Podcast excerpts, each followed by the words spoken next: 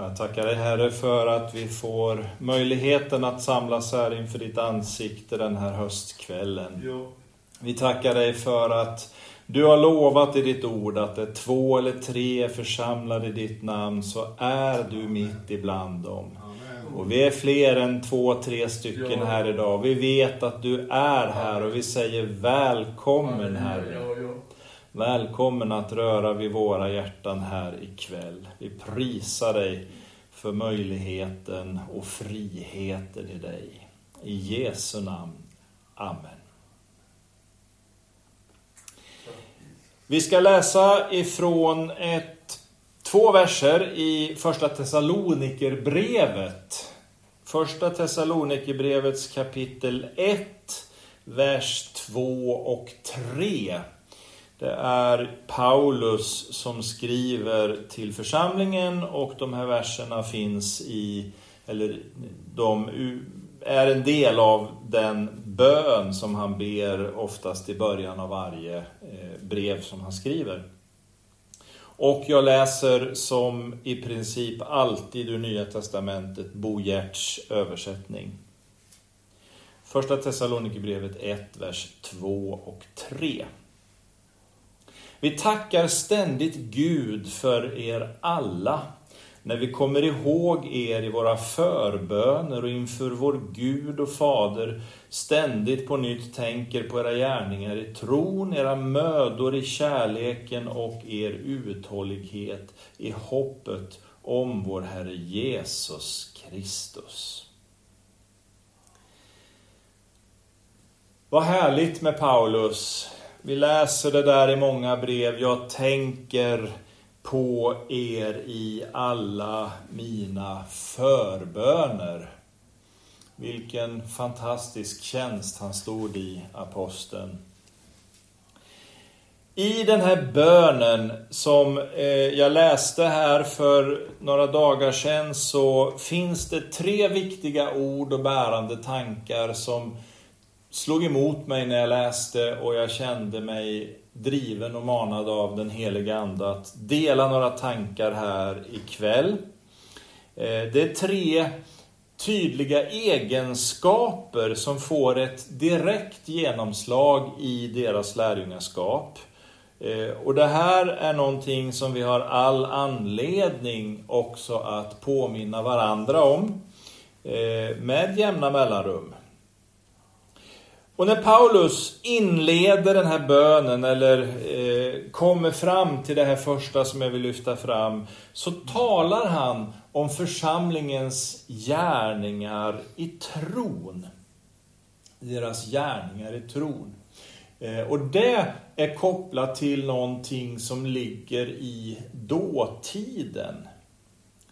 Eh, I Hebreerbrevets fjärde kapitel, där läser vi hur predikanten eller författaren av den texten säger att vi har ju fått höra det glada budskapet alldeles som dem. Men för dem blev ordet som förkunnades till ingen nytta eftersom det inte genom tron togs upp i deras hjärtan. Vi har fått höra det glada budskapet. Evangeliet.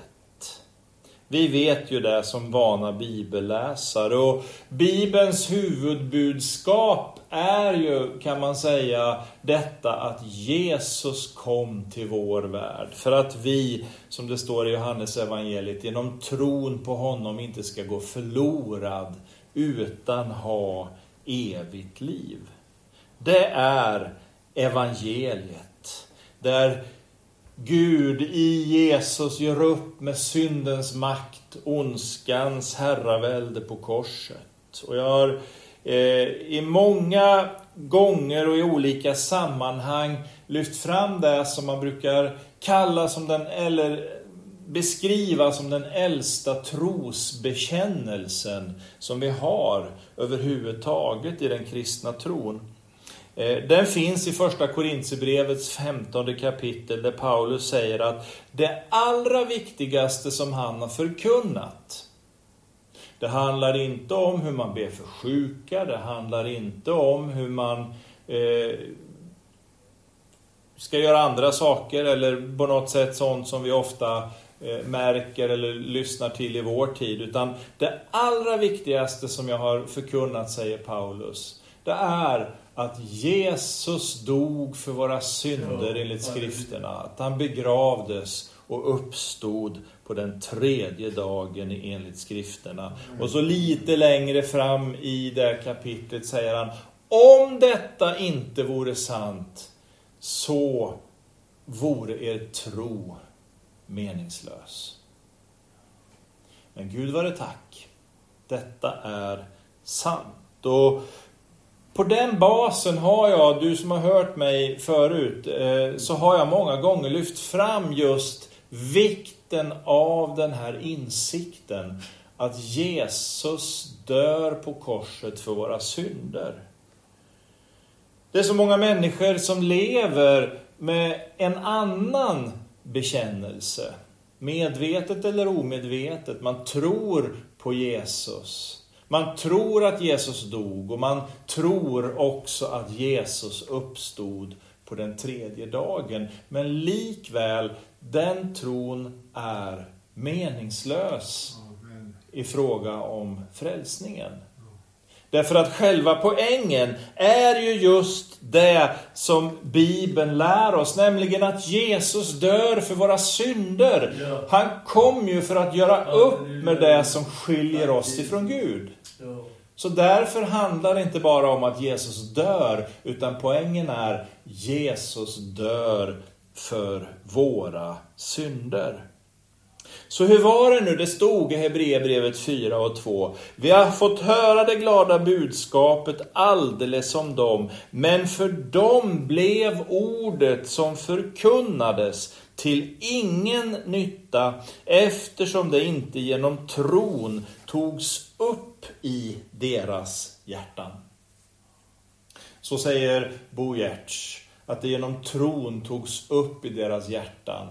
Eh, folkbibeln har översatt det stället med att smälta samman. Att evangeliet inte hade smältit samman med dem. Jag tycker en god förståelse för vad det handlar om när man tar med sig båda de här översättningarna in i vad det handlar om. Att smälta samman, att tas upp i hjärtat.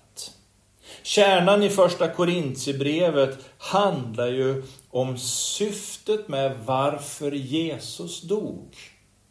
Och det är så viktigt. Alla människor dör, men skillnaden med Jesu död är att den är för våra synders skull. Och det behöver vi i tro smälta samman med. Det är vad uppmaningen i Bibeln är till oss.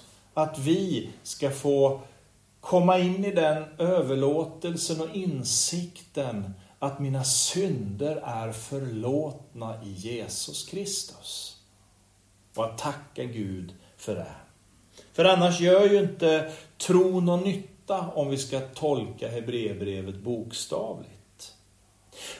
Och det är den verkligheten som Paulus ser i sina trosyskon i Thessaloniki. Där finns glädjen och tacksamheten i Paulus förböner att de hade fått tag på den sanningen och i tro smält samman med vissheten om att jag är försonad med Gud i Jesus Kristus, för han dog för mina synder. Och det är också församlingens utmaning idag. Att Jesus inte stannar vid någon teologisk idé eller någon filosofi. Eh, att inte tron på Jesus stannar vid hans död och uppståndelse. Utan att vi får tag på just det här som Thessalonikerna hade fått tag på och det Hebreerbrevet förkunnar eh, för oss. Att vi smälter samman med förkunnelsen och vetskapen om att Jesus har tagit våra synder ifrån oss. Och det där tar han upp ganska ingående i Romarbrevets sjätte kapitel, men det är en annan predikan. Så det första Paulus tar upp i bönen, det är vad som har hänt. Tron på vad Jesus gjorde där på korset en gång för våra synders skull. Det ligger till grund för alltihop. Det andra han tar upp i den här tackbönen, det är det som händer just nu. Det som församlingen lever i. Paulus gläds över, som Bo Giertz valt att översätta det, deras mödor i kärleken. Det är ju en lite ålderdomlig översättning kanske, deras mödor i kärleken. Men om vi tänjer lite på det ordet och säger deras arbete i kärleken. Och nu rör vi vid lärjungaskapet så som Bibeln vill att vi ska förstå att det är. För det är ju inte bara tron på Jesu frälsningsverk som ska vara en, eh, mer än en teologisk idé. Det där måste ju också få oms eller genomslag i mitt hjärta och i mitt liv. Hur gestaltar sig den tro som jag äger i det liv jag lever? Här talar Paulus utifrån ordet om kärlek, eh, agape. Det finns ju många olika ord för kärlek i grekiskan. Men just ordet agape, det handlar om den kärleken som finns emellan en människa och Gud fader. Och jag skulle på den basen vilja hänvisa till två andra bibelställen. I Filemon, sjätte versen, talar Paulus om hur han tackar Gud för Filemons kärlek till alla de heliga. Och det är också agape-kärleken som det handlar om där. Och en gammal teolog som heter Lightfoot, han säger apropå den här gemenskapen som på grekiska är ordet koinonia. Eh, att den här gemenskapen handlar om glädjen över att få dela sin tro med andra människor. Vi är inte kallade att sitta och tro i vår ensamhet någonstans i en skrubb. Utan vi är tro, kallade att tillsammans dela tron med varandra. Att den får spilla över till andra människor. Koinonia handlar om glädjen över att få dela tron med andra. Och i Kolosserbrevets första kapitel skriver Paulus också där i en tackbön att han har hört om församlingens kärlek i anden. Och det är samma konstruktion om vi går in på de språkliga delarna där, som det är i brevet till Filemon. Och en lite mer korrekt översättning skulle jag vilja hävda är om den kärlek som anden ger. Eller som, som den helige ande föder i den troendes hjärta. Och det där känner du ju igen i Galaterbrevet där aposteln talar om andens frukter. Där den första frukten som nämns just är kärleken. Den gudagivna kärleken. Den kärlek som har sitt källsprång i Gud Fader. Som är osjälvisk och utgivande. Och vi förstår den genom att se på Jesus, hur han levde sitt liv och lära oss av hur han ser på sina medmänniskor. Där går aldrig jaget före duet, om jag får säga så. Jag älskar berättelsen om den blinde Bartimeus. Du har ju hört den berättelsen, läst den texten många gånger. Han sitter i sitt mörker utanför Jerikos stadsport. Där inne har Jesus haft ett väckelsemöte på torget. Han har sett Sackeus, den lille mannen. Han eh, har firat måltid tillsammans med honom. Och när det där är över överståndat eller vad man ska säga, så ska ju Jesus fortsätta sin egentliga vandring som är på väg upp mot Jerusalem. Så han går och folkmassan den tränger sig på. Och där sitter den blinde mannen utanför stadsporten. Han ser inte vad som händer. Men han hör och känner förmodligen Eh, att det är en väldig uppståndelse och ett tumult kring Jesus där han går fram. Så han frågar ju, vem, vad är det som händer? Och de säger att det är Jesus. Kanske att han har varit med på mötet inne på torget när Jesus predikade innan han träffade Sackeus, vad vet jag. Men denne blinde Bartimeus, han ropar ju så högt han någonsin orkar i den här folkmassan. Jesus, Davids son, förbarma dig över mig. Och så tränger sig Jesus fram till honom och så frågar han de där värdefulla och starka orden. Vad vill du att jag ska göra för dig? Han var på väg upp till Jerusalem och frälsningsverket på korset. Det största i historien var någonting som väntade honom. Men han tog sig tid och han stannade upp därför att Bartimeus var viktig för honom. Och så kan vi gå igenom evangelierna och läsa text efter text där vi ser samma mönster hos Jesus. Där han har den här mödosamma arbetet i kärleken som Paulus tackar också församlingen, tackar Gud för att församlingen i Thessalonike också hade den. Den här osjälviska, utgivande kärleken som gör att man inte bara går en mil utan två mil. Och om de ber om något litet så får man något större och så vidare. Du vet hur Jesus uttrycker sig där. Den här kärleken, agape-kärleken, flödar in i den troendes hjärta genom den helige Ande. Och Guds tanke med det är att den ska spilla över till de människor som vi har runt omkring oss. Vi är Kristi kropp i denna värld. Vi är kallade att på samma sätt betjäna de människor som vi möter. Så, Paulus bad över att Thessalonikerna i tro smält samman med evangeliet om Jesus, det som var. Han gladde sig i sin bön över det som är när han hör hur församlingen i förlängningen av denna tro också betjänar sin stad i Guds kärlek. Och så ser vi det tredje och sista som handlar om det som kommer att hända. Och vi hittar det i orden om deras uthållighet i hoppet. Jag läste en bok för många, många år sedan där några studenter frågade sin teologiprofessor Eh, om han inte skulle undervisa på universitetet utan gå tillbaka i församlingstjänst som pastor.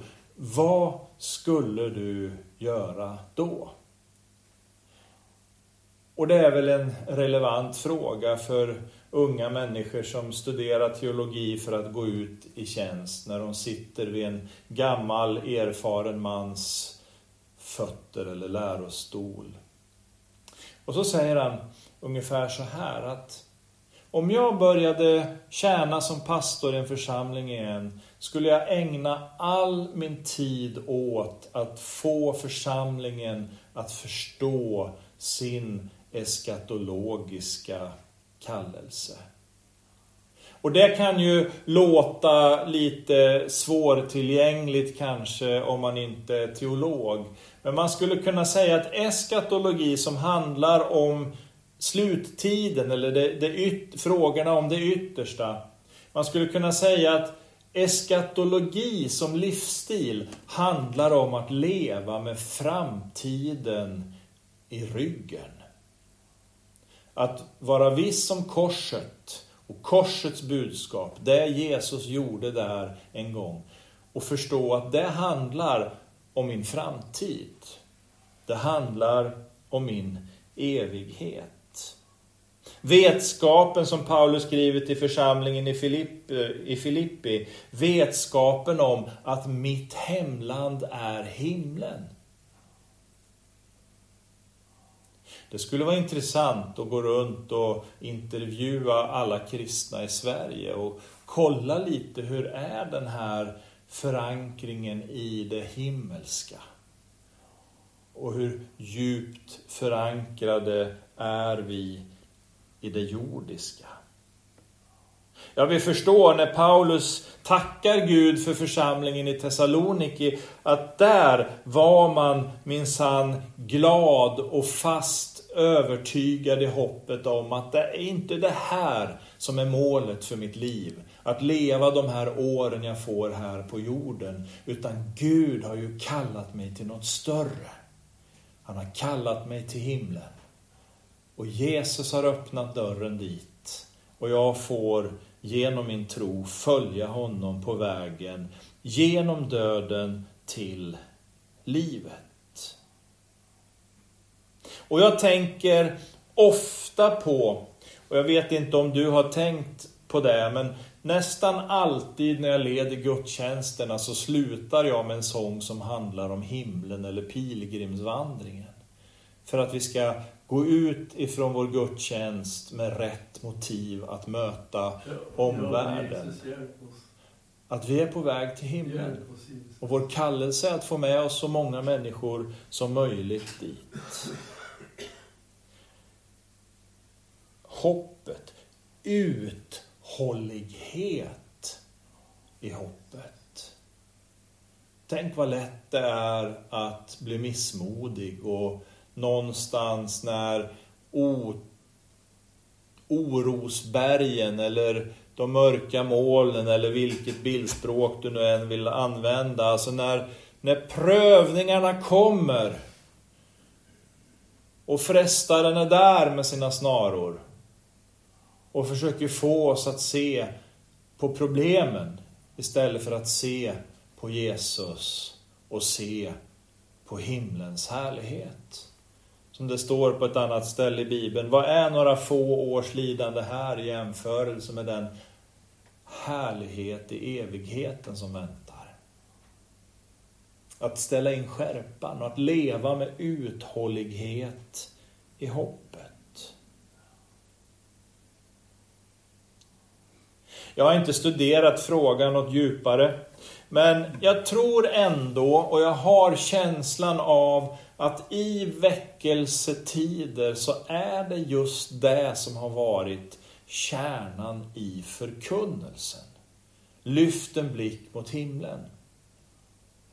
Det står om eh, pingstväckelsen när den bröt fram i början på 1900-talet. Att när anden väl hade fallit över de troende då övergick man från att ha bett och längtat efter dopet i helig Ande, så övergick förkunnelsen till frågan om Jesu återkomst. Om himlen och evigheten. Och det är nog inte utan anledning att Levi Petrus första bok, den heter Jesus kommer eller någonting sånt. Att leva i den vissheten att vi i dessa dagar, när det är mycket som prövar den kristna församlingen, uppmuntrar varandra med tankarna och orden att vi är ju faktiskt bara i en lite stökig förgård. För verkligheten, den är någon helt annan. Den är ju himlen för oss. Och det behöver vi ofta prata om, tror jag, himlen. Och vi ska göra det på ett sunt och friskt sätt.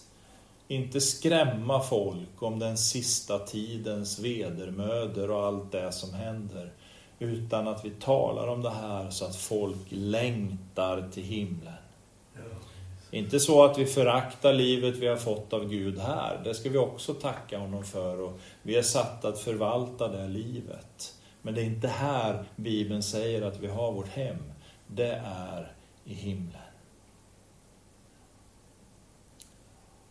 Jag tror att när vi idag lever i tron på evangeliets sanning och arbetar i Guds kärlek, så fyller också hoppet om mötet med Jesus i himlen våra hjärtan.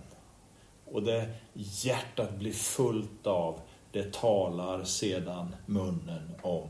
Det skapar en iver och drivkraft att få med oss så många som möjligt på vägen.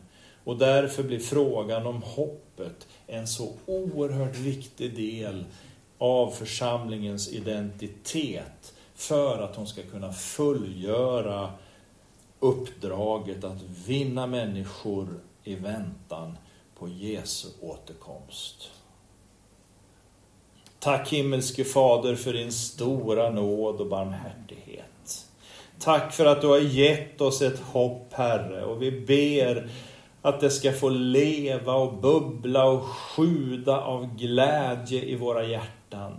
Att vår längtan till gemenskapen med dig, ansikte mot ansikte i himlen, blir allt större i våra hjärtan. Men hjälp oss Herre, att också så länge den tid är och så länge du har oss här på jorden, att vi får förvalta det liv du har gett oss här. Och att vi får betjäna människor i den kärlek som du lägger i vårt hjärta. Hjälp oss att osjälviskt, Herre, möta dem som vi har omkring oss. Så att de får se dig och vi kan få vittna om dig i det. Din är äran och makten från evighet till evighet. Amen.